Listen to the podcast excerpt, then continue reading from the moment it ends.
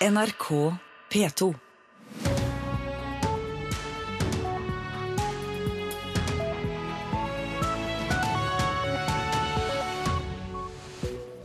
Øystein Heggen ønsker deg velkommen til Nyhetsmorgen og disse sakene. 20 000 flere eldre kan bo hjemme med ny velferdsteknologi. Snublende kommer Syria-forhandlingene i gang i Genéve, mens FN forsøker å samle inn nok penger til flyktningene på møter i London. Nå får nettroll hjemmebesøk av politiet, som forsøker å få bukt med trollskapen, mens Forskningsrådet vil hjelpe barn med nettvett på nettbrett. Nesten 20 000 flere eldre kan altså bo hjemme lenger når eldrebølgen kommer for alvor, dersom kommunene tar i bruk velferdsteknologi i eldreomsorgen. Komfyrvakt og fallsensor er eksempler på en ny smart teknologi som gjør at eldre slipper å havne på sykehjem. Og i Bærum ga en mobil GPS Bodil Kristiansen og ektemannen mer livskvalitet hjemme. Ja, han, han kan jo røre seg litt på egen hånd og føle, føle liksom at han ikke er avhengig av meg hele tiden. ikke sant? Ja. ja. Så det tror jeg er veldig godt for han. Forteller Bodil Kristiansen i filmen Bærum kommune gjorde om et pilotprosjekt med frivillig GPS i fjor. Nå forteller NRK at trygghetsalarmen gjorde at ektemannen kunne gå på turer alene, med trygghet om at han kunne få hjelp hvis noe skulle skje. Det økte livskvaliteten hjemme før Sigurd til slutt tapte kampen mot sykdom i fjor høst. Det er en, kan jeg si at det er en dispenser for medisin. En boks som både gir riktig dose medisiner og sier fra når de må tas, er en annen teknisk nyvinning som hjelper Karen Evensen hjemme. Ja, nå tar jeg dem regelmessig, for nå kan jeg ikke la den stå der og ule. Når den først har kommet ut av boksen sin, så har de bare å spise, naturligvis. Om 15 år er det dobbelt så mange som nå som er eldre enn 80 år. Ny analyse har sett på hvordan bruk av velferdsteknologi kan påvirke eldreomsorgen. Fasiten er at nesten 20 000 flere kan bo hjemme per år istedenfor å havne på sykehjem, når eldrebølgen for alvor kommer. Sjeføkonom i Ny analyse, Terje Strøm, mener det kan bli store gevinster for alle med å tenke nytt. Så Det som er så bra med dette, det er at eh, man eh, får til en vinn-vinn. da, At kommunene sparer kostnader, og så frigjør de ressurser. Dvs. Si at man vil ikke, den nye teknologien vil ikke på noen måte ta over jobbene til helsearbeiderne. Det er veldig viktig. Det er et så stort behov for arbeidskraft i helsesektoren at du trenger da den eh, teknologien til å hjelpe til, sånn at du fortsatt kan ha like god eldreomsorg, eh, og gjerne bedre, eh, som i dag. 23 milliarder kroner i året mener ny analyse dessuten at kommunene kan spare. Telenor Norge er blant flere aktører som lager disse smartteknologiene, som nå prøves ut i flere kommuner. Administrerende direktør Berit Svendsen forteller at de utstyrer heimene med enkle løsninger. Det kan være en fallsensor på klokka. Det kan være medisinsk utstyr som er kobla til eh, kroppen og går via mobilnettet til lege og hjemmesykepleie. Det kan være en dørsensor hvis man sliter med hukommelsestap. Og det kan være en sengevetersensor som sier ifra til hjemmesykepleien hvis vi eh, er uheldige, eller hvis eldre er uheldige i sengen. Og alt dette vil gjøre at de eldre føler seg mye mer trygge hjemme. Det høres litt ut som litt sånn science fiction og litt sånn kaldt og upersonlig. Trenger vi ikke varme hender eh, når vi blir eldre og et ekte menneske å snakke med, og ikke bare maskiner? Selvfølgelig trenger vi varme hender, men det som kommer til å skje her, er at vi kommer til å frigjøre mange flere varme hender. Fordi vi kommer til å utnytte de nye teknologiske løsningene samtidig med frigjøring av hender. Og reporter var Linda Reinholsen. Så skal vi her i Nyhetsmorgen ta en titt på avisene. Flere sier nei til pensjonistlivet og jobber lenger, skriver VG, som har møtt 85 år gamle Else Holm Johansen i Sarpsborg. Hun jobber fortsatt som hjelpepleier og trener en slagrammet pasient som er åtte år yngre enn hun selv er, når avisa er på besøk. Frykt for prisrekord i Oslos boligmarked er oppslaget i Dagens Næringsliv. Det er horder av kjøpere, men få ledige Oslo-boliger. Ifølge DNB Eiendom har situasjonen forverret seg for de som skal inn i markedet. Her er eh, fremtidens teknologibedrifter i Trøndelag, skriver Adresseavisen. Blant de nye produktene finner vi trappehjelpemiddel for eldre, en undervannsdrone, en blodsukkermåler og en ny måte å stille diagnose for gulsott, og en eh, utfordrer til Snapchat. Domstolene er mildere når mødre dømmes, er oppslaget i Aftenposten. Mødre tiltales for vold mot egne barn, får lavere straff enn fedre. Kvinner blir lettere forstått og unnskyldt i retten, skriver avisa. Overser angst og depresjoner hos flyktninger, er oppslaget i Vårt Land. Forskere og psykologer frykter at kommunene ikke klarer å hjelpe enslige mindreårige asylsøkere som har psykiske problemer. Forslaget går lenger enn noe EU-land, sier Jon Ole Martinsen i NOAS til Klassekampen om at flyktninger må vente i mer enn fire år før de kan få familien til Norge. Arbeiderpartiet reagerer på forslaget, som de mener gjør Norge til det aller strengeste landet i Europa. Hjerteflimmer er farligere for kvinner enn for menn, får vi vite i Dagbladet. Kvinner har større risiko for å få hjerneslag av hjerteflimmer, og blir bedt om å være obs på rask eller uregelmessig hjerterytme, svimmelhet og pustebesvær. Jeg kan ikke se at Børge Brende har tatt et eneste viktig initiativ for å støtte palestinerne, sier SVs Bård Vegar Solhjell til, til, Dagsavisen. Utenriksministeren svarer at regjeringen har vært krystallklar, og at Solhjells forslag virker kortsiktige og lettvinte. Ulrikken blir en viktig kulisse i ny Hollywood-film, er oppslaget i Bergens Tidende. Om noen uker starter filmatiseringen av Jo Nesbøs 'Snømannen' også i Bergen, og Ulrikken blir et viktig innspillingssted. Som markedsansvarlig for Ulrikken, Agnete Konglevold, tror blir viktig for turismen. Fredsforhandlingene om Syria begynte i helgen. I dag fortsetter FNs spesialutsending Staffan de Mistura samtalene med begge parter. Forhandlingene kom snublende i gang i helgen, men eh, sjefsforhandlingen er optimist. De sitter i hvert sitt møterom på et hotell i Genéve og ser ikke snurten av hverandre. Eneste mann de treffer er den svensk-italienske superdiplomaten Staffan de Mistura. Han er FNs spesialutsending og sjefsmegler, og han er optimist, i motsetning til adskillige observatører. Da forhandlingene startet fredag, var det bare den syriske regjeringsdelegasjonen som hadde møtt fram.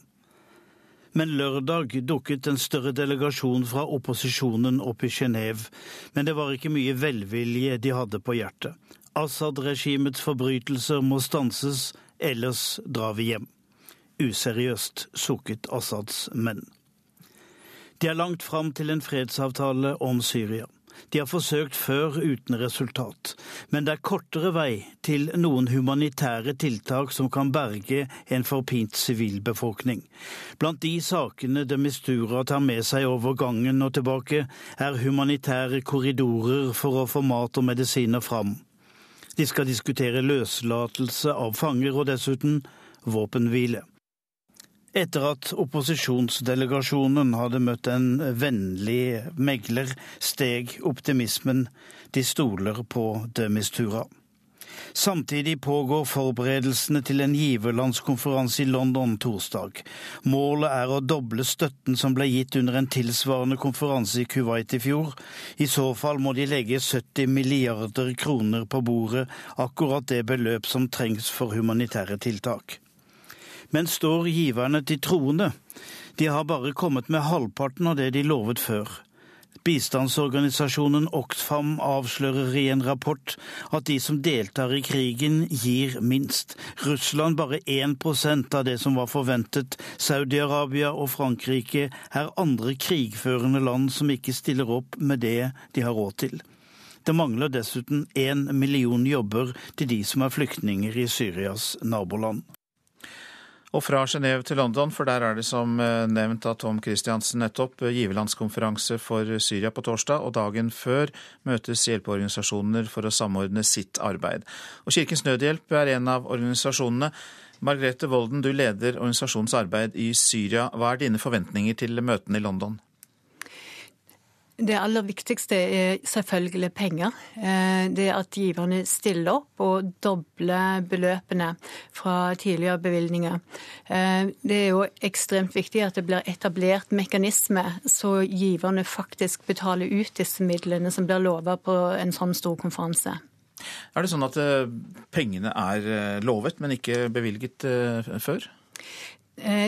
Eh, en ser fra de tidligere års konferanser at det lover store midler, og det blir ikke nødvendigvis fulgt opp med konkrete bevilgninger. Nå er det jo helt åpenbart slik at folk eh, trenger eh, hjelp i dette området. Det har vi jo hørt eh, flere ganger. Men det gjør jo ikke slutt på krigen. Hva må etter din mening til for å få slutt på den? Det er stort og komplisert, men for at krigen skal bli slutt, så dette handler om de små skrittene og de store skrittene. Så hvis en kan få til lokale våpenhvile og få inn humanitær bistand, det er det aller viktigste. Det må skje umiddelbart. Og så er det slik at eh, Dere er opptatt av at eh, flere lokale religiøse og lokale organisasjoner eh, er med på dette samarbeidet, dette hjelpearbeidet. Hvorfor har ikke det skjedd i like stor grad før? I noen grad som skjer dette, eh, og de lokale organisasjonene har en ekstremt viktig plass i det humanitære systemet i Syria. Og det handler først og fremst om at disse har tilgang. Eh, men det må til en massiv satsing for å bygge kapasitet og få opp eh, Få flere krefter i arbeid for å få lindre nøden i landet. Når du skal på denne konferansen i London, du skal vel på denne på onsdag, der hjelpeorganisasjoner møtes. Hva er det du da gjør? Hva er ditt mål når du går rundt i korridorene og deltar på de møtene der? Ja, Kirkens Nødhjelp er til stede. Vi snakker med lokale organisasjoner og internasjonale organisasjoner. Og vi vil jo være med og eh, fremme nettopp det at de syriske organisasjonene får en sentral rolle i, eh, i det fremtidige nødhjelpsarbeidet og gjenoppbyggingsarbeidet.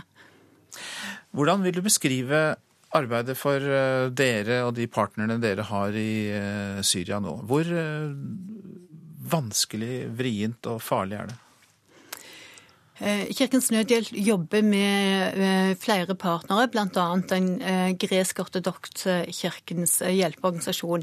De er til stede i 12 av 14 fylker, så de har tilgang til veldig mange steder der internasjonale organisasjoner ikke kommer til. Ikke minst fortrinnet av en lokal organisasjon er at de er en del av samfunnet. De har lokal tilstedeværelse og kan respondere mye raskere enn de store internasjonale organisasjonene som er venter vente på tillatelse. Hvordan syns du samordningen da bør være mellom dere som er frivillige organisasjoner, og eh, det arbeidet som eh, FN gjør? Er det godt nok? Samordningen er ikke god nok. Eh, dette er dette jobbes det kontinuerlig med. Nå er det et stort fokus på eh, å få til en god samordning i det internasjonale hjelpesystemet. Og det som er fremme inn i dette, er nettopp at de lokale organisasjonene har en for liten rolle inn i det humanitære systemet. Det blir ditt eh, hovedbudskap, forstår jeg, i London. Mange takk skal du ha, Margrethe Volden, som altså leder eh, Kirkens Nødhjelps arbeid i Syria. Tusen takk.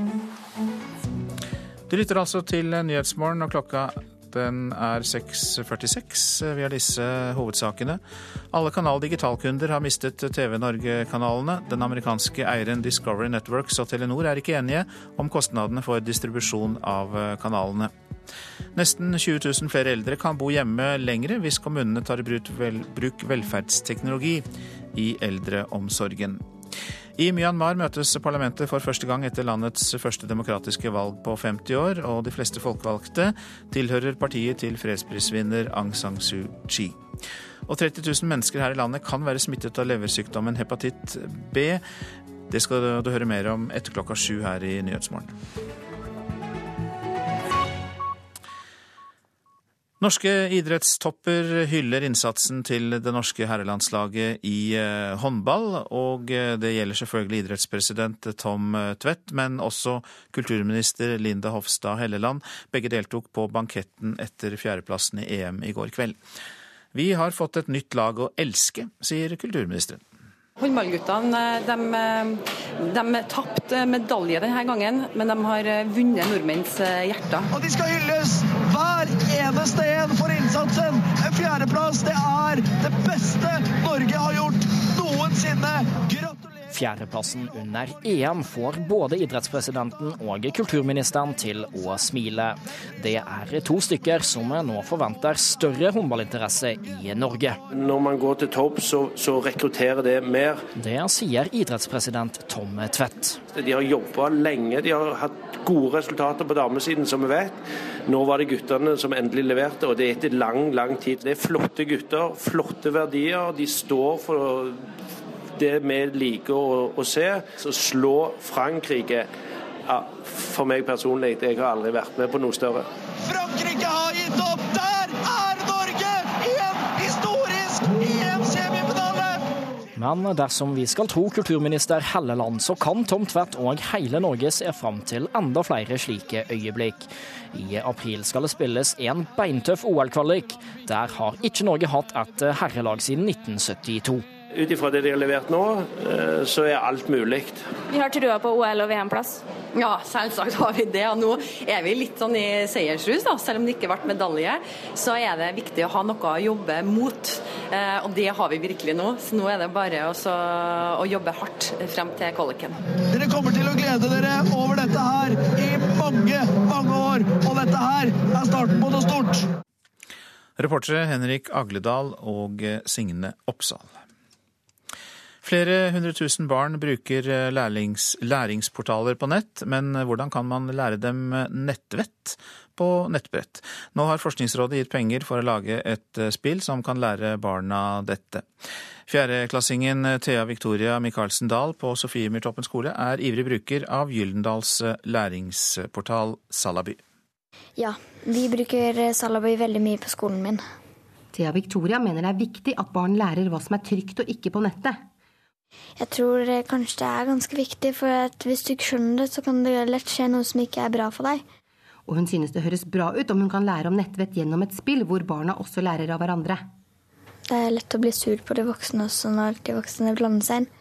Aida Omerovic hos Sintef, som skal lede forskningsarbeidet, sier at nettopp det at barna skal lære via spillet og interaktivitet med hverandre, er noe av målet. Altså, det er svært viktig, det er kjempeviktig. Det her er helt unikt både eh, i norsk og internasjonal sammenheng. Det å lære seg internett, eh, sikkerhet og kreativ bruk av internett på denne måten. For her vil vi gjerne eh, innføre såkalt horisontal læring hvor barn og unge faktisk lærer av hverandre, og ikke bare av oss som kan sikkerhet og, og mulighetene på nettet. Det skal være interaktivt, det skal være underholdende. Vi skal gjøre det på deres egne premisser.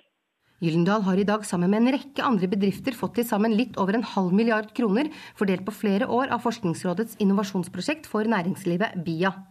Divisjonsdirektør for innovasjon i Forskningsrådet, Anne Kjersti Falvik, synes prosjektet til Gyllendal er spennende. Og Det de gjør i dette prosjektet, det er jo å samarbeide med små, vitale, forskningsbaserte selskaper. Og med IKT-forskere på Sintef, og med pedagoger ved Universitetet i Oslo. For å se på spillbasert læring, og hvordan vi kan la barna våre gjennom spillbasert læring bruke nettet, men også med en viss sikkerhet, sikkerhetsgrid. Gyldendals prosjekt og flere av de andre satser både nasjonalt og internasjonalt. Næringsminister Monica Mæland forteller at regjeringen de to siste årene har økt tilskuddene til BIA-prosjektet med 250 millioner. Og dette gir konkrete resultater. Det betyr at flere bedrifter blir i stand til å utvikle nye produkter. BIA-programmet har siden oppstarten bidratt til over 900 produkter i 160 bedrifter. Og det at vi har enda større kraft på dette nå, er veldig viktig, fordi vi trenger å utvikle og innovere, slik at vi skaper arbeidsplasser. Og Thea Victoria er spent på hvordan Gyllendals spill vil bli. Ja. Det er litt Jeg har lyst til å teste det ut og se om det er noe bra. Reporter her, det var Torunn Grymer. Og her skal du få høre mer om nettvett, for flere personer i Nordland har blitt oppsøkt av politiet etter å ha kommet med ekstreme ytringer mot asylsøkere på sosiale medier. Lensmann Robin Johnsen i Indre Salten sier de følger med, og at folk forstår at det er alvor når politiet banker på. De fleste blir nok litt overraska. Men vi hadde faktisk ei dame som nesten hadde forventa at vi kom etter å hadde skrevet det og skrev på nett. Sånn at, men det er jo, når det uniformert politiet kommer hjem, så markerer det jo litt alvor og tyngde. Og vi ønsker en prat for, om rundt det de har skrevet på nett. Så Jeg tror de fleste føler det som litt voldsomt, ja. Lensmann i Indre Salten Robin Johnsen og hans kolleger har de siste månedene hatt ekstra fokus retta mot sosiale medier. Den store strømmen av asylsøkere til Norge før jul førte til at det ble oppretta flere mottak i kommunene han dekker. Det har også ført til at lokale nettroll har våkna. Ja, Av de vi har opplevd, så, så, er det jo kanskje de mest ekstreme som eh, vi velger å følge opp, og det gjør vi umiddelbart. Og Det kan være om eh, oppfordringer til å ta livet av, brenne, kastrere, utøve vold mot. Det er ganske kraftige ord som i enkelttilfeller har vært brukt. Til nå har en håndfull personer i Indre Salten fått besøk av politiet. Johnsen sier at det så langt ikke dreier seg om personer som politiet mener vil gjøre alvor av truslene sine, men det kan jo i verste fall få andre til å gjøre straffbare forhold. Oppfordre til eh, å påvirke andre og skape miljøer hvor det her kan spre seg. Og det, det ønsker vi å unngå. Å oppsøke folk hjemme har vist seg å være et godt tiltak, sier Johnsen. For de fleste modererer seg etter at politiet har vært på besøk. Noen av de her har vi ikke hørt noe mer ifra, eller, eller sett noe mer eh, den type aktivitet. Vår erfaring er at det hadde en forebyggende effekt. Reporter var eh, Kari Skeie. Stavanger Aftenblads eh, historie over 64 sider i lørdagens utgave skapte debatt allerede før den ble publisert. Beskrivelsene av livet i barnevernsinstitusjoner gjorde at artikkelen ble forsøkt stoppet, og den ga avisen nye lesere og ble et eh, viktig samtaleemne både pga. tema og størrelse. Ja, vi snakket akkurat om det nå, spurte hverandre om vi hadde lest det. Og jeg begynte, og jeg etter halvveis så slutta jeg for en stund. Jeg vet ikke om jeg orker å ta det opp igjen. altså. Og du da, leste du det? Nei, jeg har ikke begynt på det ennå. Men jeg har tenkt å lese det. Ja. Artikkelen om glassjenta var samtaleemne blant mange på Kulturhuset Sølvberget i Stavanger i helga. De 64 sidene i Stavanger Aftenblad om ei jente sine opplevelser med barnevernet skaper interesse, og litt delte meninger. De var bra. Jeg har, lest, jeg har ikke lest alle kapitlene, men jeg har lest fire av dem. Veldig bra. At det er åpnes litt for å se hva som foregår bak i de lukkede rom. Hva syns du om det? Eh, jeg syns det var merkelig at eh, den spesielle, det magasinet var utenpå avisen. At det, ja, Og nyhetene var inni. Men eh, jo, interessant. Mm. Har du lest det? Ikke alt. Jeg har skumlest gjennom, gjennom, det, ja. Det var greit å få sånn lite innblikk, men jeg tror ikke det er noe som jeg kommer til å lese i detalj. Jeg syns det er veldig bra at Stavanger Aftenblad bruker ressurser til å avdekke sånne historier. Satsinga har fått mye oppmerksomhet, og redaktør i Stavanger Aftenblad, Tarald Aano, kan fortelle at det viser att i lesertallene. Digital lesing er gått opp ca. 40% i forhold til en vanlig lørdag. Ellers så har vi altså en, eh, en sånn digital salg på artikkelnivå på ca. 15 til dagen. Og nå har vi altså mellom 500 og 1000, alt etter hvordan du regner, på helga. Allerede før publiseringa gikk Aleris, selskapet som eier og driver institusjonen jenta bor på, ut og ønsket å stoppe artikkelen. Da de mente den 17 år gamle jenta ikke skjønner omfanget av å stille opp, og at det ville være for lett for folk å skjønne hvem hun var, sjøl om avisa anonymiserte henne. Aleris vil ikke kommentere saka videre i dag. Ifølge Åno er jenta fremdeles glad for at hun stilte opp. Hun har jo hele tida ønska dette, og det er det inntrykket vi har nå òg, at dette har hun opplevd som noe positivt. Han mener saka er et viktig bidrag i samfunnsdebatten. Eh, det er nok eh, bra at folk leser denne pakken før de har bastante meninger. Og, For oss så er jo det aller viktigste ikke det stuntet som ble gjort eh, nå i helga, men den debatten som går framover. De diskusjonene som går i ukene som kommer. Det er klart folk syns jo det er fælt å lese om negative ting, men jeg syns som sagt det blir litt for mye fokus på det som er som er negativt nå, og så glemmes det, eh, alle de gode tingene som, eh, som, da skjer. Og de er, jo, eh, de er, jo, hyppigere, heldigvis, enn de negative. Jeg tror det skjer såpass mye som vi aldri får vite om, at en gang må en sånn ting komme fram. Og hun har jo selv villet dette, jenta, og det kan godt hende hun får problemer med det senere. Men hun har tatt det valget, og da får vi bare akseptere det. tenker jeg. Reportasjen var laget av eh, Maria Piles Svåsand og Anette Johansen Espeland. Så tar jeg for meg værvarselet fram til midnatt. Fjell i Sør-Norge først. Det blir sørlig kuling utsatte steder, og etter hvert litt snø. Fra i ettermiddag sørvestlig kuling og snøbyger. Østlandet på kysten økning til liten sørlig kuling. Etter hvert kommer det litt snø, seinere overgang til sludd eller regn nær kysten. I kveld sørvestlig stiv kuling på kysten av Østlandet og lettere vær igjen.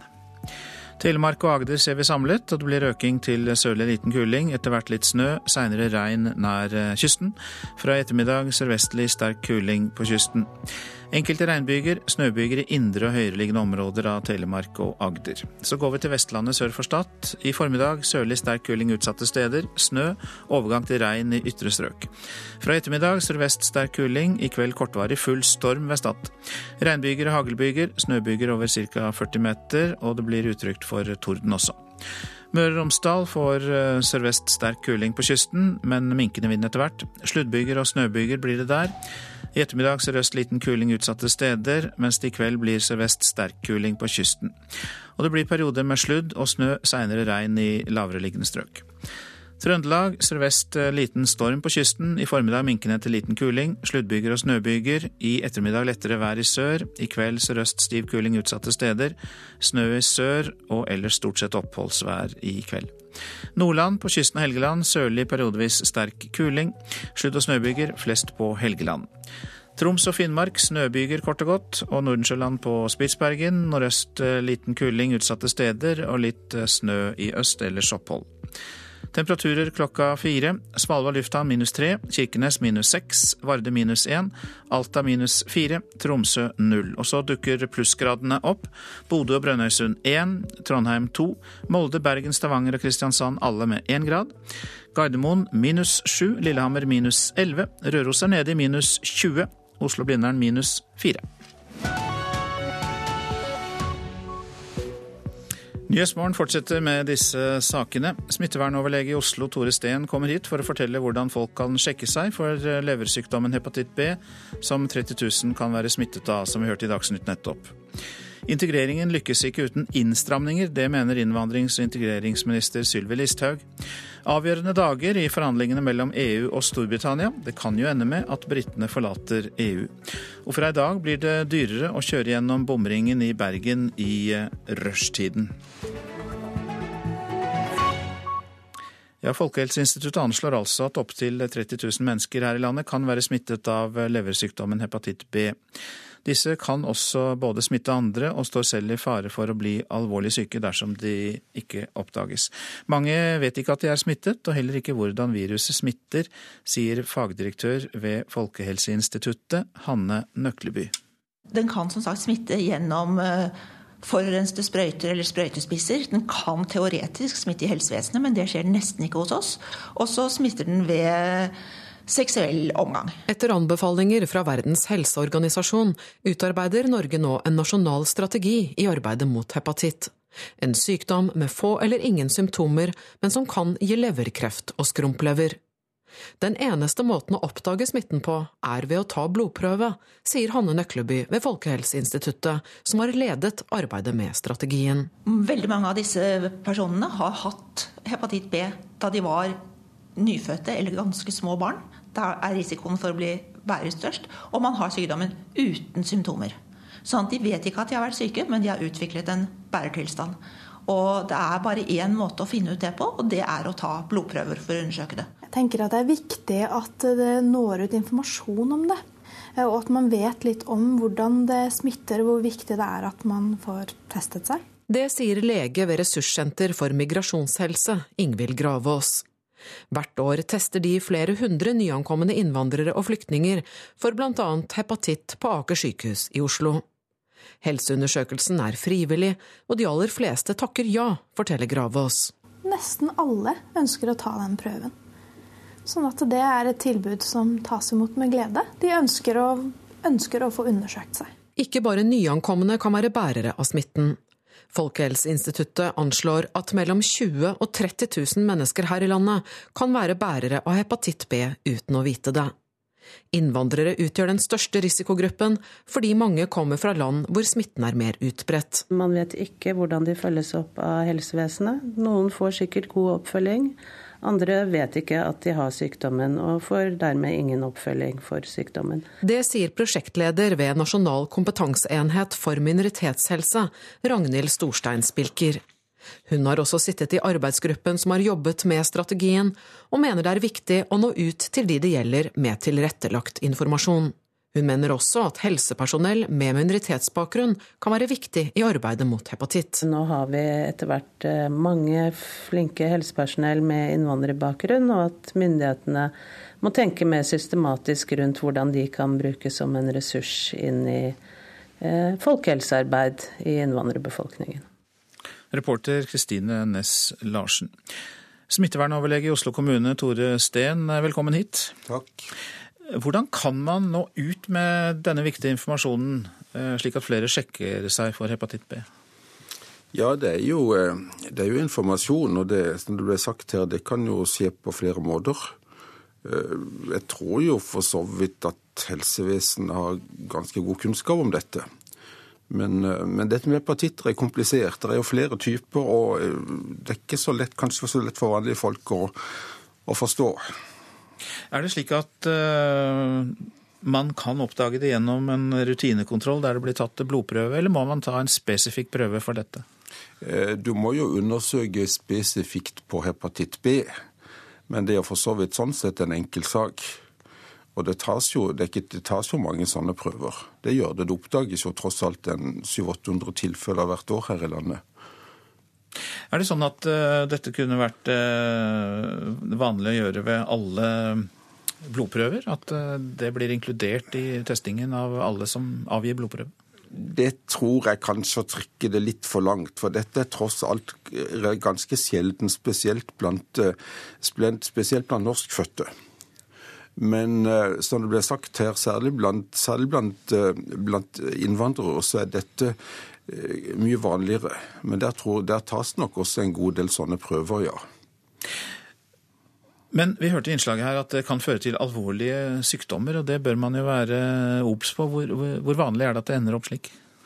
Altså, det er sånn at hvis du, hvis du smittes av hepatitt B, så, kan, så vil hos de fleste så vil viruset forsvinne fra blodet. Eh, men det avhenger litt av når du får smitten i deg. Hvis du smittes ved fødsel, hvis din, mor, hvis din mor har hepatitt B og du smittes ved fødsel, så vil nesten alle, ni av ti, vil, vil, vil, få, vil bli det vi kaller bærer av virus. Derimot, hvis du smittes som voksen, så er det kanskje bare 5-10% som blir bærer av virus. Og det er hvis du er bærer av virus at du skal vi si, har problemer. Og av de igjen som blir bæret av viruset, regner vi at en 15-25 eh, på lang sikt utvikler skrumplever eller leverkreft. Så det vil jo da tross alt være en mindre andel av de 30 000 som man anslår eh, har hepatitt B? Ja, nå er jeg ikke sikker på det. Jeg tror når en snakker om å ha hepatitt B, så mener vi bærer av virus.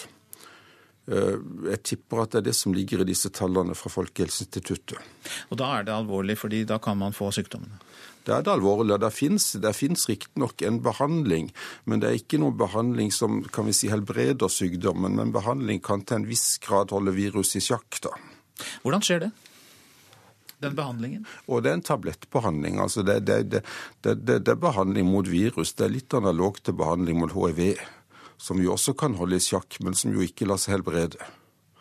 30 000 det er jo tross alt en eh, god del eh, mennesker. Hva, hva, hva syns du eh, samfunnet bør gjøre for punkt én avdekke mest mulig av det, og punkt to hjelpe de som har det til å holde sykdommen i sjakk? Nei, altså dette, det, det, gjelder jo å finne Det gjelder jo, som har vært sagt her, eh, eh, teste på de, de der en eh, tror det kan være en risiko. Eh, det gjelder spesielt innvandrere og enkelte andre grupper, f.eks. stoffmisbrukere og, og eh, folk som har hatt sex i utlandet, f.eks. Eh, og så, er det, så tror jeg også det er vanlig blant f.eks. fastleger at hvis en finner noen med hepatitt B som har virus i kroppen, så henviser en videre til spesialist ved sykehus. For det er bare de som kan eventuelt starte behandling, hvis det er aktuelt. Takk for den orienteringen, Tore Steen, eh, smittevernoverlege i eh, Oslo kommune. Integrering lykkes ikke uten innstramninger, det sier innvandrings- og integreringsminister Sylvi Listhaug. Hun har blitt kritisert for å så tvil om Norge er i stand til å integrere flyktningene som kommer hit. Jeg mener vi skal greie integreringsprosessen. Men Kristelig Folkeparti mener Norges første innvandrings- og integreringsminister sprer usikkerhet om akkurat det. Vi har muligheter for å få dette til. Og Sylvi Listhaug er ikke bare en innstrammingsminister, hun er òg en integreringsminister. Sa Knut Arild Hareide til NRK i helga. Og det virker som hun kun ser stivt mot innstrammingene, og ikke ser viktigheten av integrering, og det skuffer meg. Jeg har en realistisk eh, holdning til disse spørsmålene. For ifølge Listhaug er kontroll over grensene og en nedgang i antall asylsøkere en forutsetning for at Norge lykkes med integreringa. I fjor kom det over 31 000 asylsøkere til Norge. Statsråden vil ikke svare på hvor hun mener smertegrensa går. Men jeg mener det at det er behov for at vi får dette under kontroll.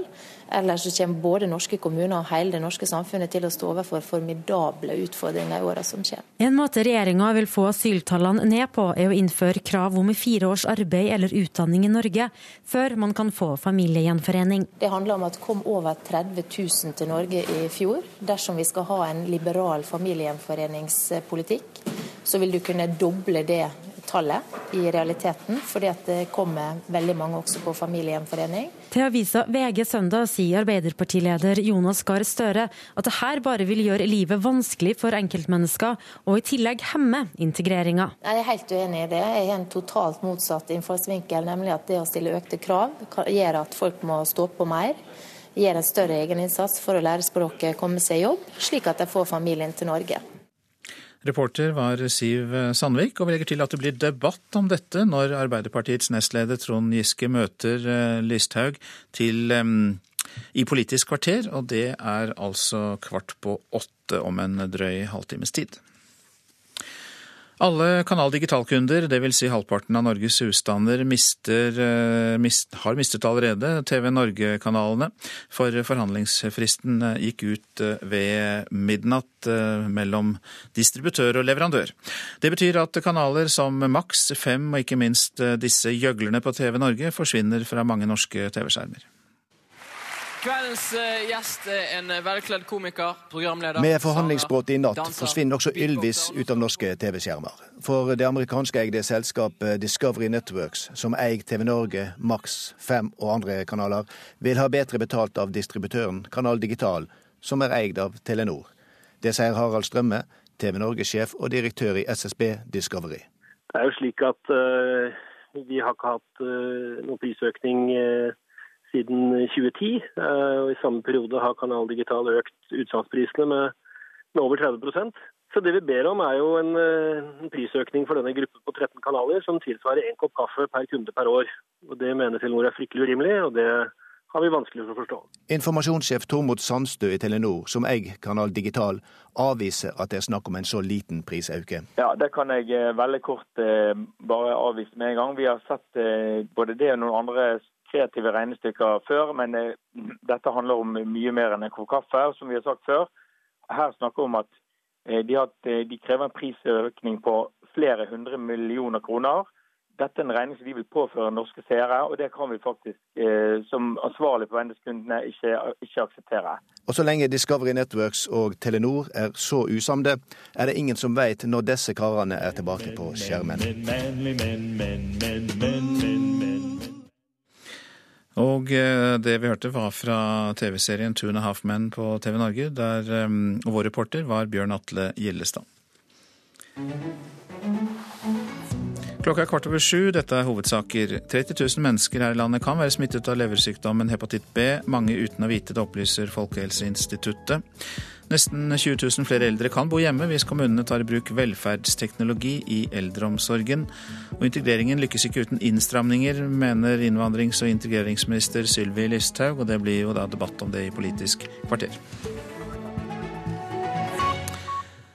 Nå skal det handle om økonomi. Vi legger jo bak oss turbulent, eh, en turbulent januarmåned, i hvert fall hvis vi ser på finansmarkedene i verden.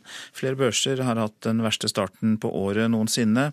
Og den norske krona den eh, har jo hatt dager med store bevegelser. Så derfor har vi bedt deg komme. Kyrre Omdal i DNB Markets, velkommen. Jo, takk. Du er seniorøkonom der. Ja, eh, Den norske krona er jo fortsatt svak, men har styrket seg noe i slutten av januar. Er det et vendepunkt for krona? Ja, Det kan være det. Vi ser vel at det har vært en ganske tett sammenheng mellom utviklingen i krona og oljeprisen. Og det kan se ut som oljeprisen har tatt seg litt opp igjen. I hvert fall har den gjort det den siste uka. Og det har også bidratt til at vi har sett en noe sterkere krone mot euro, i alle fall. Er det bare oljeprisen som kan drive krona opp eller ned? Nei, det er ikke bare oljeprisen. og Vi ser jo fra dag til dag at vi kan ha ganske store utslag i oljeprisen uten kroneeffekter, og omvendt. Og Andre viktige sånne fundamentale forhold er jo utviklingen i rentene. Og så langt i år så har jo rentene internasjonalt kommet en god del ned, og renteforskjellene har økt litt. Og også vært en grunn til at kronen kunne styrke seg litt. Ja, Norges Bank har jo rentemøte i mars. Hva forventer du deg der? Ja, Vi tror Norges Bank kommer til å senke renta. De har jo gitt signaler om at det er mer sannsynlig enn at den blir liggende uendret. Og så har vi sett utviklingen i andre land hvor sentralbanker har satt ned rentene eller, eller, indikert at pengepolitikken blir eh, mer ekspansiv enn det de hadde tenkt seg tidligere. De som har lån, syns jo det er OK, men eh, lav rente er vel egentlig ikke noe godt tegn? Nei, Det er jo tegn på at det går dårlig i økonomien. Så Sånn sett så, så burde man kanskje, kanskje, ikke være så glad for det. Og så har du alle innskyterne som får lavere renter på, på, innskuddene, som heller ikke er så glad. Mens det er klart det er jo til fordel for, for lånetakere. Ja, du setter meg på det. For at innskyterne, det er ikke noe vits av penger i banken, blir det sagt. Og så er det jo voldsomt turbulent i aksjemarkedet. Ja, er det bare madrassen som gjenstår å putte pengene i? ja, det er ikke så mange steder å være eller hvor du kan spare penger til en rimelig måte, trygg plassering av pengene. Det er nok riktig. Så Der ser vi også at investorene leter etter andre steder å plassere penger. og De ender opp med å ta mer risiko enn det de tidligere har gjort. Ja, Det har jo vært tider hvor folk har investert i gull da, for å ha noen sånne gullbarer liggende, hvis man har råd til å kjøpe det. Eller kunst. Er folk inne i disse markedene? Ja, Det kjenner jeg ikke så godt til. altså hvor, hvordan de er der. Det er jo noe med at likviditet i de markedene ikke er så god. Så hvis du trenger penger fort, så er det vanskelig å kvitte seg med kunsten og få igjen like mye som du eh, hadde investert. Det er mulig at du da må selge til spotpriser. Ja. Eh, I gull er det et litt mer et internasjonalt marked. Eh, sånn sett litt lettere, kanskje. Men likevel også her så, så så er det ikke litt for småspare i hvert fall å spare gull. Ja, Vi snakket jo om at oljen er en driver, har viktig betydning for kronekursen. Men Kinas økonomi er jo en driver som virker veldig inn på verdensøkonomien som helhet. Hvordan ser du på utviklingen der? Kina er nok inne i en stor rebalansering. De skal ha lavere vekst i vareproduksjonen sin, og de skal ha høyere vekst i tjenesteproduksjonen. Det rammer eh, også Europa og Vesterland i stor grad, for vi har jo mye vareeksport til Kina. og Hvis behovet for varene blir litt mindre og tjenester litt større, så, så svekker det våre markedsmuligheter. Takk skal du ha, Kyrre Omdal, som altså da er seniorøkonom i DNB Markets. Fredsforhandlingene om Syria er endelig i gang, og FNs sjefforhandler Staffan de Mistura skal nå i formiddag møte president Assads delegasjon. Seinere blir det samtaler med opposisjonsdelegasjonen. Utenriksmedarbeider Tom Christiansen, du er kommet i studio. Ja, hva slags forhandlinger er det når de ikke snakker med hverandre, men bare med denne forhandlingslederen? Ja, de sitter på hver sin side av gangen, antagelig i hver sin etasje. Nei, dette er rutine ved veldig vanskelige forhandlinger.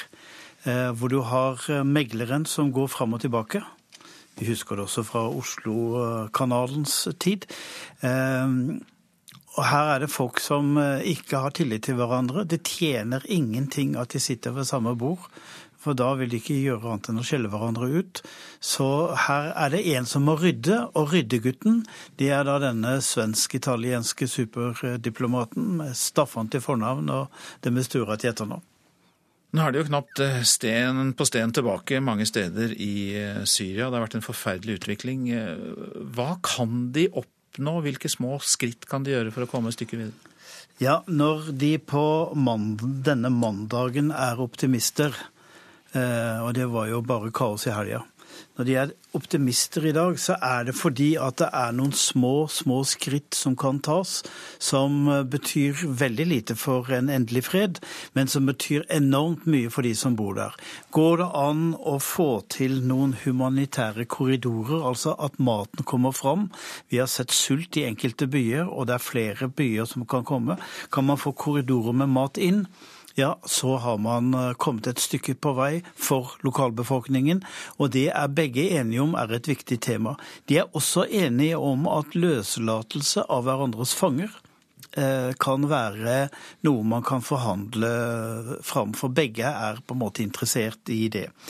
Dessuten så prøver Demistura å få til en våpenhvile det er mer komplisert å få til. Nå skal de sitte sammen her noen uker, og så skal de tilbake til slagmarken, hadde han sagt. Og så kommer de tilbake til Genéve for å fortsette samtalene. Og hvis man kan få til en våpenhvile, ja, så eh, får jo folk eh, sitt daglige brød. Eh, og da kan man også leve et tryggere liv, ikke minst for, for, for barna. Men det er komplisert, for det er flere aktører her enn de som er ved forhandlingsbordet. IS er jo en av dem. Mange takk i denne omgang om Syria-forhandlingene, utenriksmedarbeider Tom Christiansen. Ja, vi skal snakke mer om forhandlinger, men det er mellom Storbritannia og EU. For det dreier seg om en ny og reformert uh, avtale. Og går, vi går inn i uh, avgjørende uker. For uh, dersom britene ikke blir fornøyd, så kan de jo komme til å stemme landet ut av unionen allerede i juni. Et stridsspørsmål er om EU-borgere skal fratas trygderettigheter de har i dag, når de kommer til Storbritannia. Jeg vil ikke ha et samfunn der du får noe for ingenting, sier statsminister David Cameron med klar referanse til arbeidsinnvandrere fra EU som mottar trygd.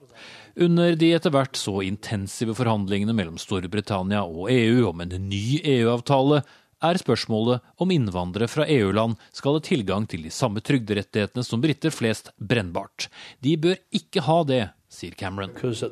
Today, Britain, system, I dag kan du komme rett til Storbritannia og umiddelbart få tilgang på de samme rettighetene som andre, sier Cameron. Han vil at arbeidsinnvandrere fra EU skal måtte opparbeide seg rettighetene ideelt sett etter fire år.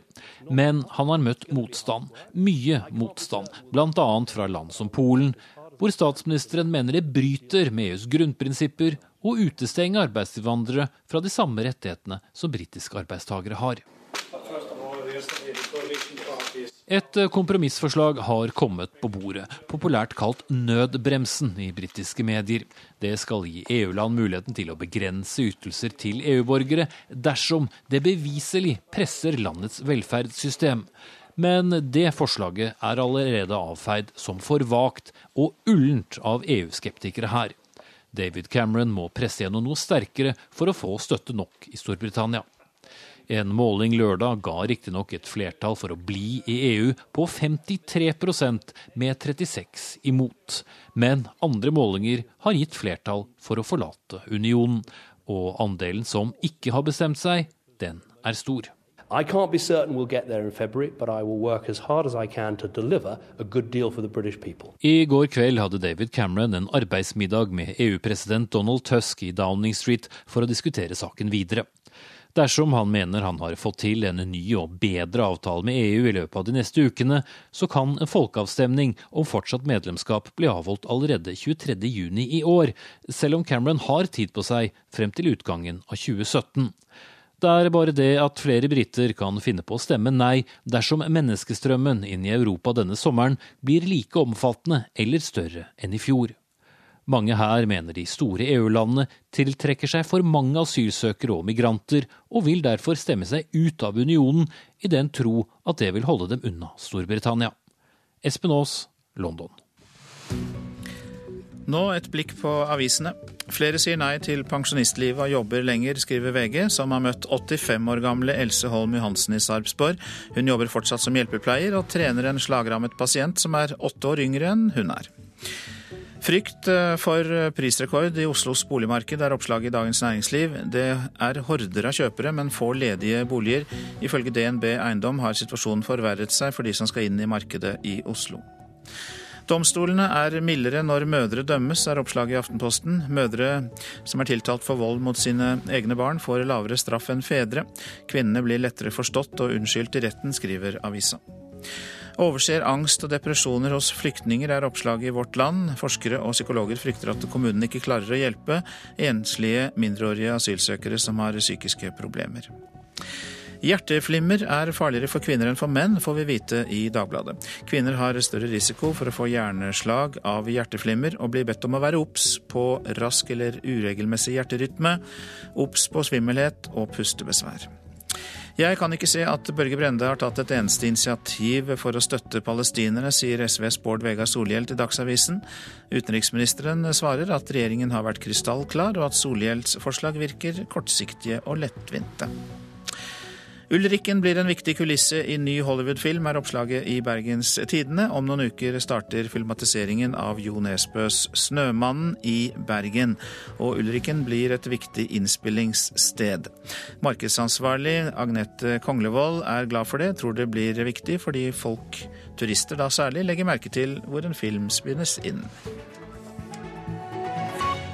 Vi holder oss i Bergen. 19 av 20 bilister vil kjøre som de har gjort før i morgenrushet, selv om køprising er innført fra i dag. Det viser en utredning bak vedtaket om å skru opp prisen på bomplassering i rushtiden fra 25 til 45 kroner.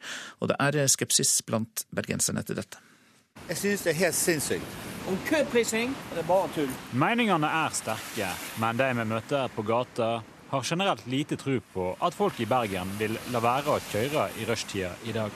Nei, de som kjører bil, må kjøre bil. Jeg vet ikke om det har så mye effekt. Jeg tror det ikke kommer til å ha noe effekt.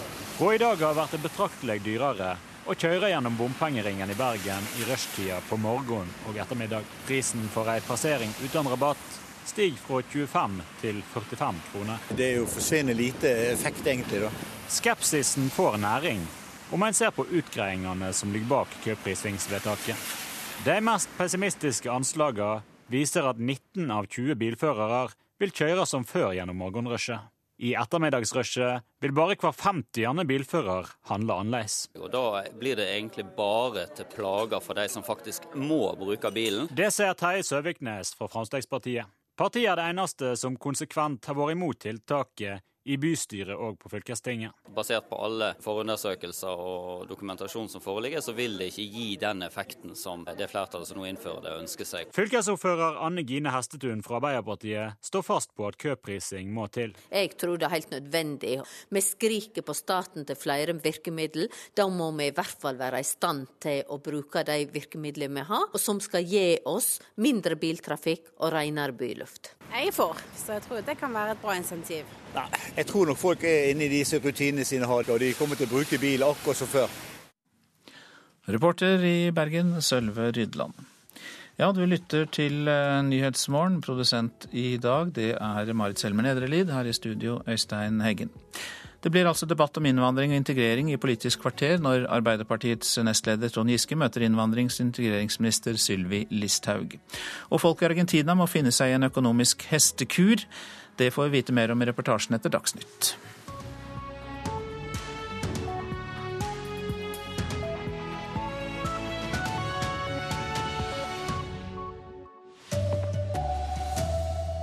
Mange er smittet av farlig leversykdom uten å vite om det. Fredsforhandlingene om Syria i Genéve snubler videre. Halvparten av husstandene her i landet har mistet TV Norge-kanalene. Her er NRK Dagsnytt klokka 7.30 ved Anders Borgen Werring. Folkehelseinstituttet anslår at opptil 30 000 mennesker her i landet kan være smittet av leversykdommen hepatitt B, mange uten å vite om det. Disse kan både smitte andre og står selv i fare for å bli alvorlig syke hvis ikke sykdommen oppdages. Lege ved Ressurssenter for migrasjonshelse, Ingvild Gravås, sier det er viktig å nå ut med informasjon til de som er i risikogruppen. Jeg tenker at det er viktig at det når ut informasjon om det. Og at man vet litt om hvordan det smitter, hvor viktig det er at man får testet seg. Veldig... På Aker sykehus i Oslo blir nyankomne innvandrere og flyktninger testet for bl.a. hepatitt. En sykdom med få eller ingen symptomer, men som kan gi leverkreft og skrumplever. Helseundersøkelsen er frivillig, og de aller fleste takker ja, forteller lege Ingvild Gravås. Nesten alle ønsker å ta den prøven. Ikke bare nyankomne kan være bærere av smitten. Folkehelseinstituttet anslår at mellom 20 og 30 000 mennesker her i landet kan være bærere av hepatitt B, mange uten å vite det. Innvandrere utgjør den største risikogruppen fordi mange kommer fra land hvor smitten er mer utbredt. Mange vet ikke at de er smittet, og heller ikke hvordan viruset smitter. Veldig enkelt blod og sex. Det sier fagdirektør ved Folkehelseinstituttet Hanne Nøkleby. Hun har ledet en gruppe som har laget forslag til en nasjonal strategi i arbeidet mot hepatitt, og mener det er viktig å oppdage de som er smittet. Og Det er bare én måte å finne ut det på, og det er å ta blodprøver for å undersøke det. Og det er jo det vi da ønsker at folk skal bli klar over. At, at, de har både risikoen og muligheten. En større bevisstgjøring blant helsepersonell er også viktig, mener lege Ingvild Gravås. Når barna kommer inn til vaksinasjon, at kanskje helsesøstrene også minner foreldrene på at de også er en risikogruppe og kan dra til fastlegen for å, for å ta en test. Reporter Kristine Næss Larsen. Alle Kanal Digital-kunder, dvs. Si halvparten av Norges husstander, mistet TV Norge-kanalene da forhandlingene om betaling for TV-tilbudet brøt sammen ved midnatt. Det betyr at kanaler som Max 5, og ikke minst disse gjøglerne på TV Norge, forsvinner fra norske TV-skjermer. Kveldens eh, gjest er en velkledd komiker, programleder Med forhandlingsbrudd i natt forsvinner også Ylvis ut av norske TV-skjermer. For det amerikanske eide selskapet Discovery Networks, som eier TV Norge, Max Fem og andre kanaler, vil ha bedre betalt av distributøren Kanal Digital, som er eid av Telenor. Det sier Harald Strømme, TV Norge-sjef og direktør i SSB Discovery. Det er jo slik at uh, vi har ikke hatt uh, noen prisøkning uh, siden 2010. Eh, og I samme periode har Kanal Digital økt utsalgsprisene med, med, over 30 Så det vi ber om er jo en, eh, en, prisøkning for denne gruppen på 13 kanaler som tilsvarer én kopp kaffe per kunde per år. Og Det mener Telenor er fryktelig urimelig, og det har vi vanskelig for å forstå. Informasjonssjef Tormod Sandstø i Telenor, som eier Kanal Digital, avviser at det er snakk om en så liten prisøkning. Ja, Det kan jeg eh, veldig kort bare avvise med en gang. Vi har sett både det og noen andre kreative regnestykker før, men eh, dette handler om mye mer enn en kopp kaffe. Som vi har sagt før, her snakker vi om at eh, de, har, eh, de, krever en prisøkning på flere hundre millioner kroner. Dette er en regning som de vil påføre norske seere, og det kan vi faktisk som ansvarlig på vendeskundene ikke, ikke akseptere. Og Så lenge Discovery Networks og Telenor er så usamde, er det ingen som vet når disse karene er tilbake på skjermen. Fra TV-serien eh, Two and a Half Men eh, på TV Norge til slutt der, eh, reporter. Det var Bjørn Atle Gildestad. Fredsforhandlingene om Syria begynte i helgen. I dag fortsetter FNs spesialutsending Staffan de Mistura samtalene med begge parter. Forhandlingene kom snublende i gang i helgen. Men eh, sjefsforhandlerne er eh, optimist. Eh, dette kommer vi tilbake til litt senere. Nå skal det handle om integreringen, som ikke lykkes uten innstramminger. Det sier innvandrings- og integreringsminister Sylvi Listhaug. Hun har blitt kritisert for å så tvil om Norge er i stand til å integrere flyktningene som kommer. De sitter i hver sine møterom på et hotell i Genéve og ser ikke snurten av hverandre. Den eneste de snakker med, er den svensk-italienske superdiplomaten Staffan de Mistura, FNs spesialutsending og sjefsmegler. Da forhandlingene startet fredag, hadde bare den syriske regjeringsdelegasjonen kommet. Men lørdag dukket en større delegasjon fra opposisjonen opp i Genéve, og med en klar beskjed Assad-regimets forbrytelser må stanses, ellers så drar vi hjem. Useriøst sukket Assads menn. Det er langt fram til en fredsavtale om Syria, men kortere vei til humanitære tiltak. Blant de sakene de Mistura tar med seg over gangen og tilbake, er humanitære korridorer for å få fram mat og medisiner. De skal også diskutere løslatelse av fanger, og dessuten våpenhvile. Det sa utenriksmedarbeider Tom Kristiansen. Det går litt om hverandre med Syria og integrering her I Dagsnytt nå skal vi høre om integrering som ikke lykkes uten innstramminger igjen. Det er altså Sylvi Listhaug, innvandrings- og integreringsminister, som eh, sier dette etter å ha blitt kritisert for å så tvil om Norge er i stand til å integrere flyktningene som kommer. Jeg mener vi skal greie integreringsprosessen. Men Kristelig Folkeparti mener Norges første innvandrings- og integreringsminister sprer usikkerhet om akkurat det. Vi har muligheter for å få dette til. Og Sylvi Listhaug er ikke bare en innstrammingsminister, hun er òg en integreringsminister. Sa Knut Arild Hareide til NRK i helga. Og det virker som hun kun ser stivt mot innstrammingene, og ikke ser viktigheten av integrering, og det skuffer meg. Jeg har en realistisk eh, holdning til disse spørsmålene. For ifølge Listhaug er kontroll over grensene og en nedgang i antall asylsøkere en forutsetning for at Norge lykkes med integreringa. I fjor kom det over 31 000 asylsøkere til Norge. Statsråden vil ikke svare på hvor hun mener smertegrensa går. Men jeg mener det at det er behov for at vi får dette under kontroll. Ellers så kommer både norske kommuner og hele det norske samfunnet til å stå overfor formidable utfordringer i åra som kommer. Reporter Siv Sandvik. Sylvi Listhaug møter eh, Trond Giske, Ap-nestleder, til debatt i Politisk kvarter straks.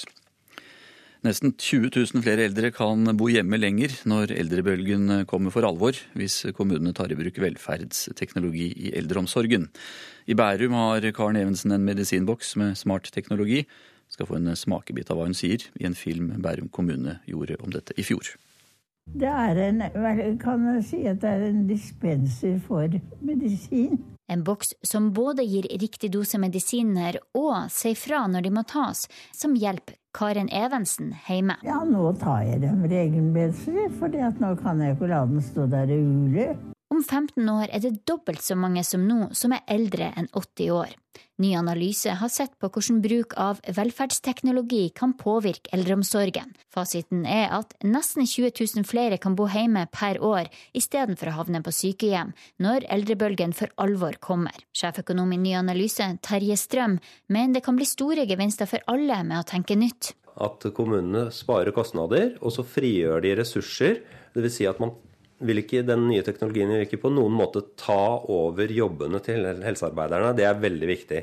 Det er et så stort behov for arbeidskraft i helsesektoren at du trenger da den eh, teknologien til å hjelpe til, sånn at du fortsatt kan ha like god eldreomsorg. Telenor Norge er blant flere aktører som lager disse smartteknologiene, som nå prøves ut i flere kommuner. Administrerende direktør Berit Svendsen forteller at de utstyrer heimene med enkle løsninger. Det kan være en fallsensor på klokka. Det kan være medisinsk utstyr som er kobla til eh, kroppen og går via mobilnettet til lege og hjemmesykepleie. Og alt dette vil gjøre at de eldre føler seg mye mer trygge hjemme. Reporter her, Linda Reinholdsen. Idrettstoppene hyller det norske herrelandslaget i håndball. Både kulturminister Linda Hofstad Helleland og idrettspresident Tom Tvedt deltok på banketten etter fjerdeplassen i EM i går kveld. Vi har fått et nytt lag å elske, sier kulturministeren. Håndballguttene de, de tapte medalje denne gangen, men de har vunnet nordmenns hjerter. En fjerdeplass, det er det beste Norge har gjort noensinne! Gratulerer! Fjerdeplassen under EM får både idrettspresidenten og kulturministeren til å smile. Det er to stykker som nå forventer større håndballinteresse i Norge. Når man går til topp, så, så rekrutterer det mer. Det sier idrettspresident Tom Tvedt. Så slå Frankrike ja, For meg personlig, jeg har aldri vært med på noe større. Reporter her, det var Henrik Agledal. Det er eh, Anne Skårseth som har ansvaret for eh, NRK Dagsnytt i dag.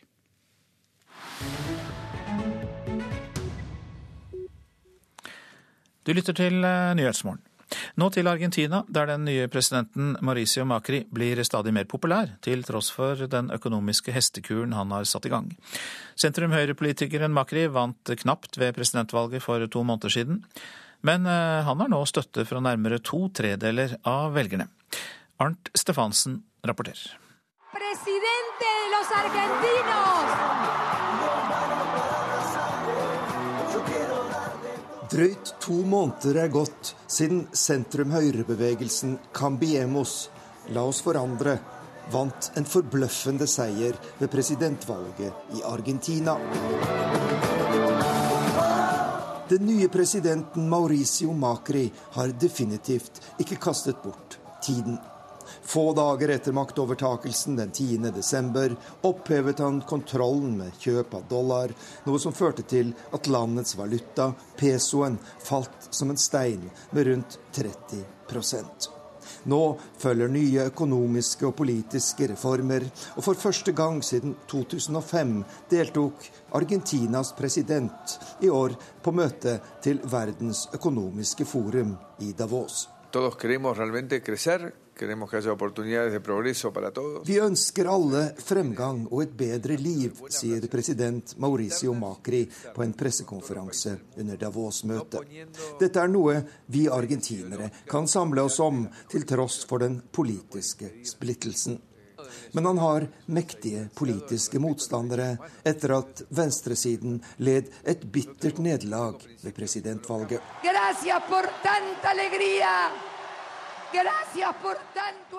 Argentinas forrige president, Cristina Kirchner, holder en følelsesladet tale til sine tilhengere før hun forlater presidentpalasset i Buenos Aires.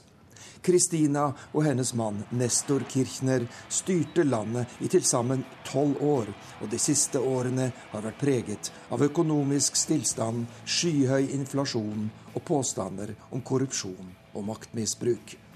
Men Kirchners tilhengere motsetter seg sterkt de reformene som den nye regjeringen er i gang med.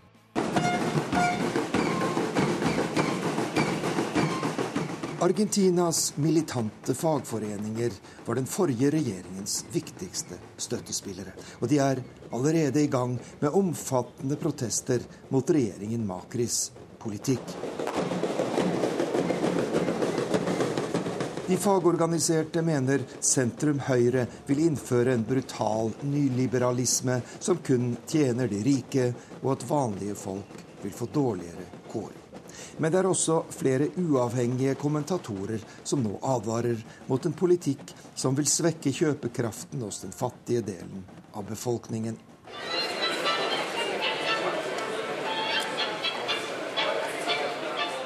Stemningen er laber i Calle Florida, Buenos Aires mest berømte handlegate.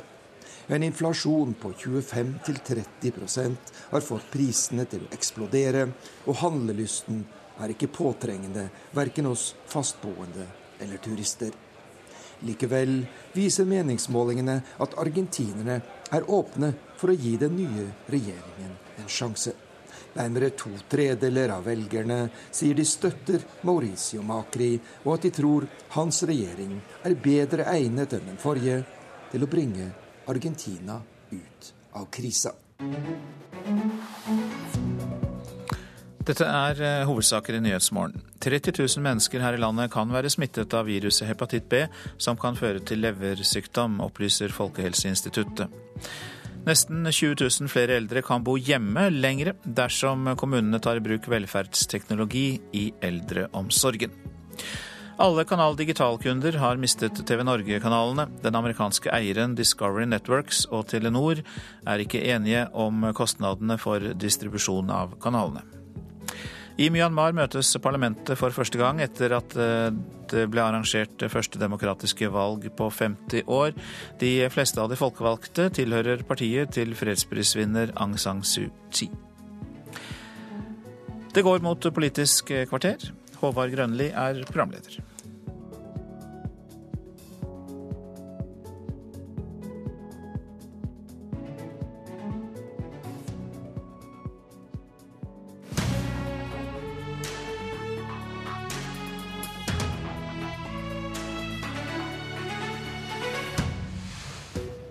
Står Sylvi Listhaugs innstramminger i veien for integreringa?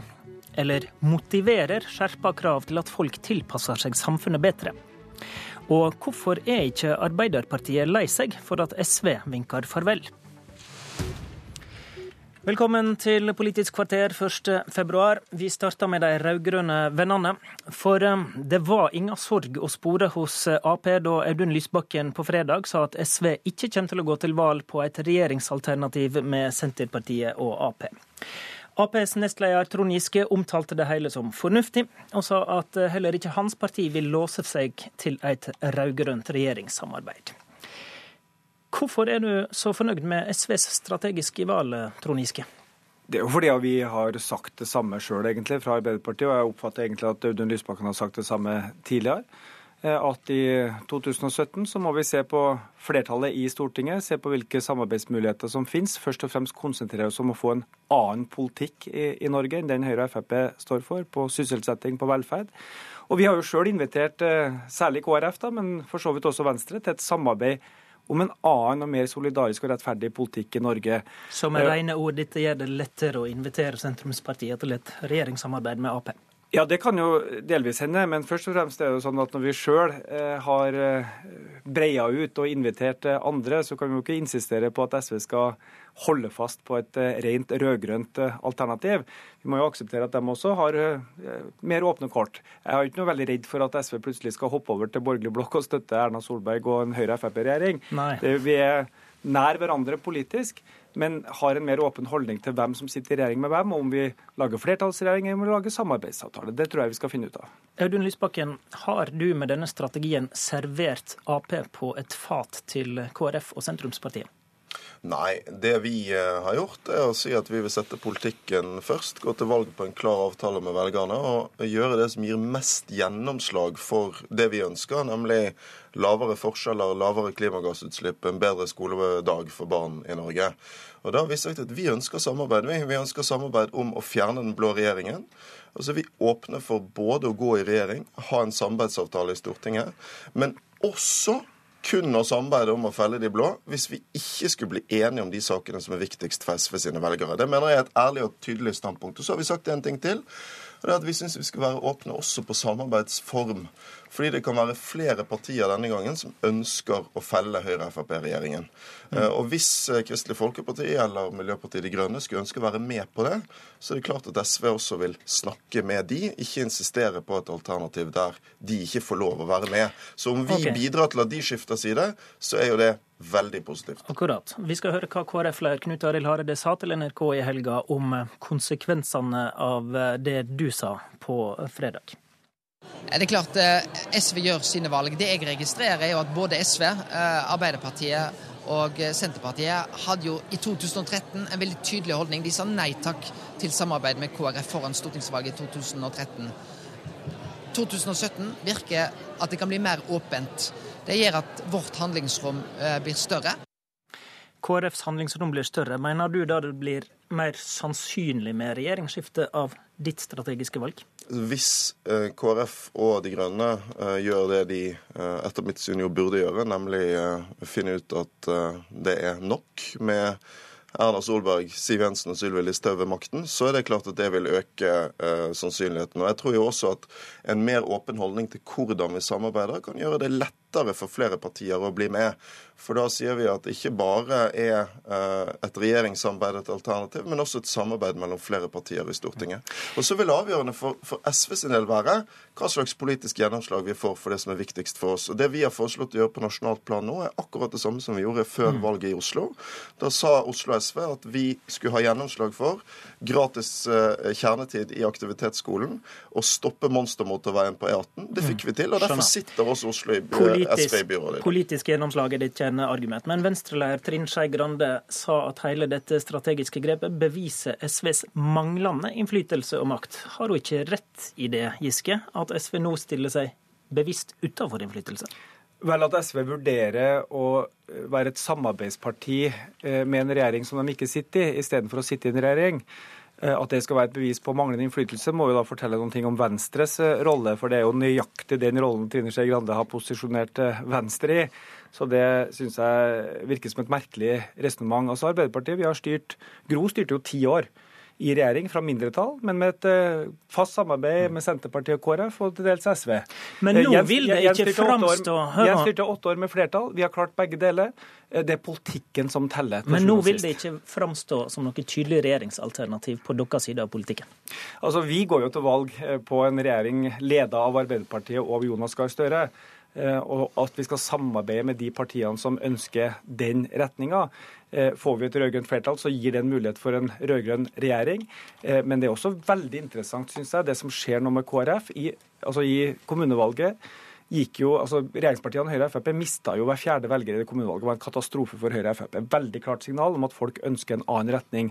Og i veldig mange fylker og kommuner har KrF hørt på det signalet. Hordaland, Rogaland, Bergen, Trondheim, Nordland, mange plasser samarbeider nå KrF med sentrum-venstre-allianser. Og Vi hørte jo fylkeslederen til KrF i Nordland eh, i helga også fra landsstyret. Han angra seg at han hadde vært med på å støtte en okay. Høyre-Frp-regjering og ønska at KrF Nå skulle skifte side. Nå har vi ikke KrF her, men hvorfor er det uviktig å presentere et regjeringsalternativ, Lysbakken? Men Dette er veldig enkelt. Vi kommer til å være noen partier som går sammen om at Norge ikke lenger skal styres av Høyre og Frp. Og velgerne vil vite at stemmer de SV eller stemmer de Arbeiderpartiet og Senterpartiet, så er det en effektiv måte å bli kvitt den regjeringen på. Men så skal våre velgere også vite at hvis vi går inn i en regjering etter valget, så er det fordi vi har fått gjennomslag for det vi har sagt til våre velgere er viktigst. De hovedkravene vårt landsmøte vil vedta neste år for et mer miljøvennlig og mer rettferdig Norge. Får vi det til, så går vi inn i regjering. Får vi det ikke til, så vil vi finne andre måter å samarbeide på for å få mest mulig gjennomslag for det vi står for.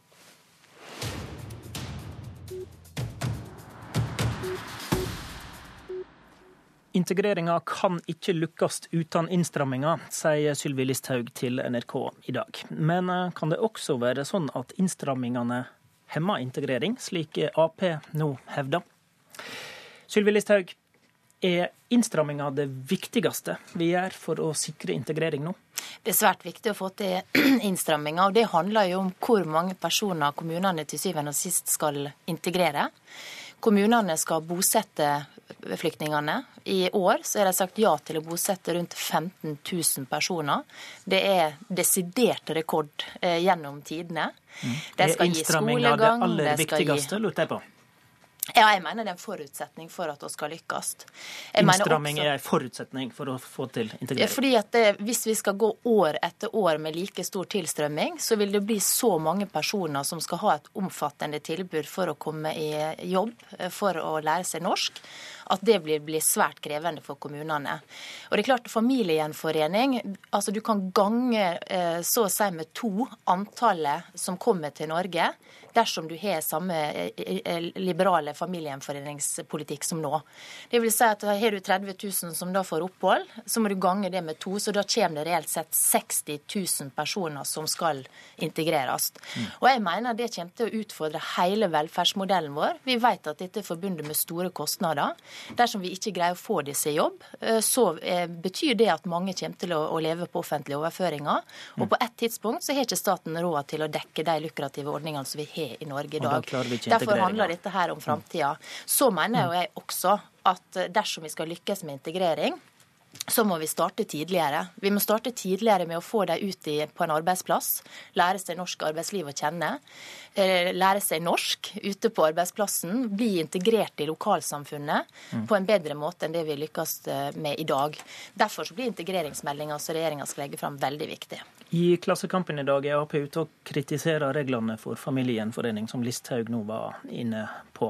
Eh, påstanden er at vi nå blir det strengeste landet i Europa. Ehm, hva er problemet, mener du, Giske?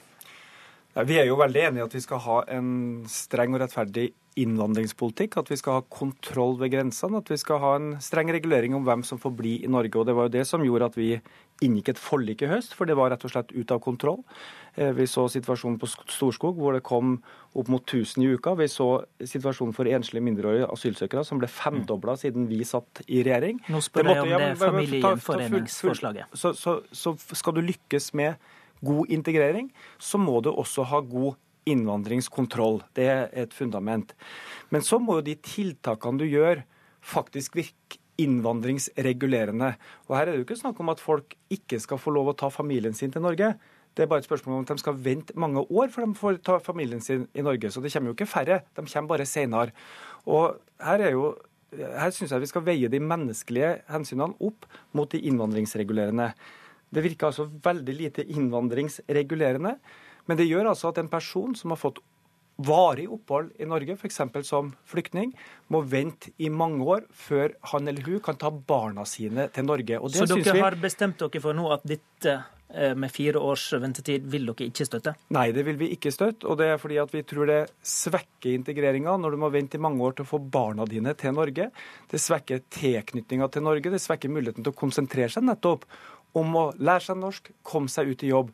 Og, og det ligger noe under her som jeg mener er en veldig feilslutning. Det er som om ja, hvis vi nå bare holder igjen barna dine i hjemlandet lenge nok, da vil du gå ut i jobb. Det er en veldig undervurdering av mennesker. vi har ikke 130 000 Listhaug. arbeidsløse i Norge fordi de har barna sine her. Listhaug. Det er fordi det er vanskelig for jobb. Du må legge til rette for jobb, legge til rette for norskopplæring.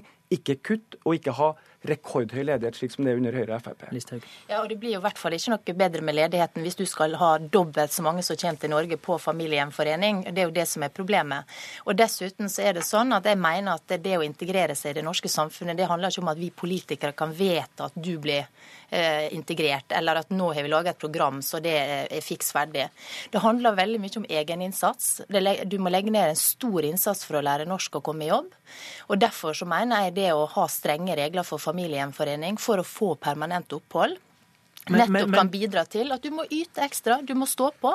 Og jeg syns det er en helt legitim eh, politikk at du skal kunne brødfø familien din mm. dersom du skal få dem til Norge, istedenfor at vi skal finansiere for enda men, flere personer. Ja, men ditt forslag går ut på at du må uansett vente fire år uansett hvor hardt du jobber. Ja, og det betyr at du må kunne brødfø familien din. Hvordan du må være det ekstra, da? Nei, da betyr det at du må komme deg i jobb så raskt som mulig. Du må lære det språket så raskt som mulig. Og det vente fire år. Motivasjon. Ja, økt motivasjon til å kunne greie det. Og jeg mener mener det at det er utrolig viktig hvis vi skal greie integreringa, at vi får kontroll med tilstrømminga. Og så må jeg bare si det at jeg syns det er synd, fordi at Giske var jo veldig tidlig ute og sa egentlig go til disse punktene som vi mm. la fram. Jeg syns det var masse bra der.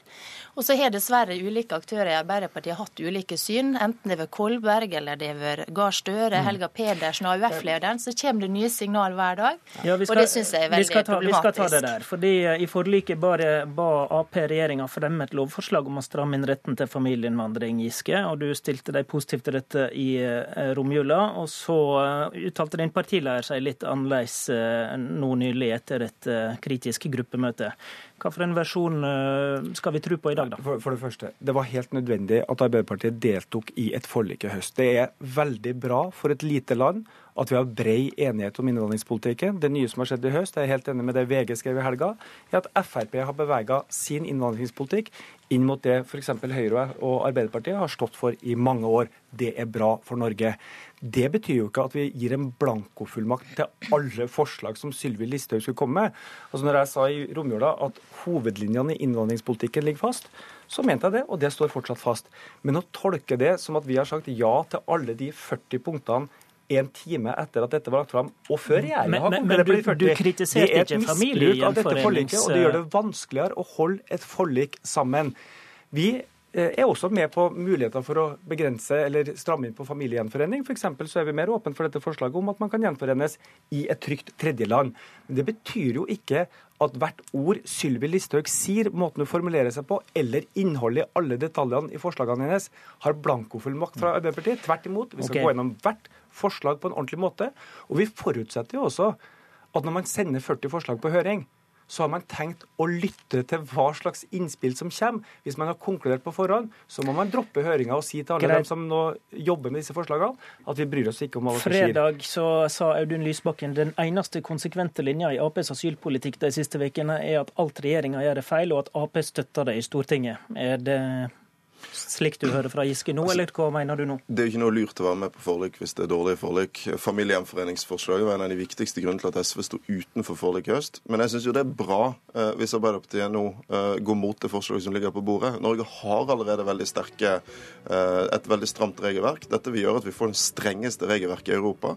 Helt urimelig at Norge skal ha det. Det vil hemme integreringen. Og, og vi frykter vi også at flere vil dra over midler. Politisk kvarter var det Håvard Grønli. Hør flere podkaster på nrk.no podkast.